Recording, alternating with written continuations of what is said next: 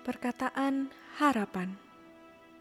Aku rasa semua orang dewasa pernah putus asa.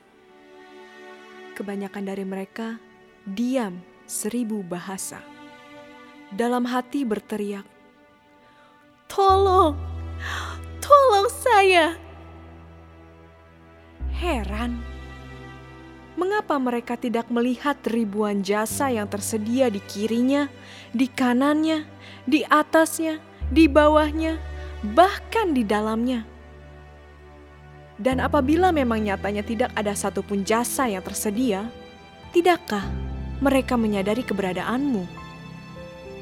Lalu dia, sang harapan, menjawabku, "Bukan karena mereka tidak mampu, bukan karena mereka tidak ingin melihatnya, mereka hanya putus asa." Aku tahu mereka lebih suka bersahabat dengan lawanku di saat-saat susah. Terkadang benar katamu, mereka tidak menyadari keberadaanku.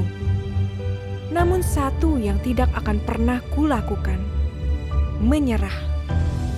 Aku akan tetap kembali datang, meskipun mereka sering kali meragukan kekuatanku.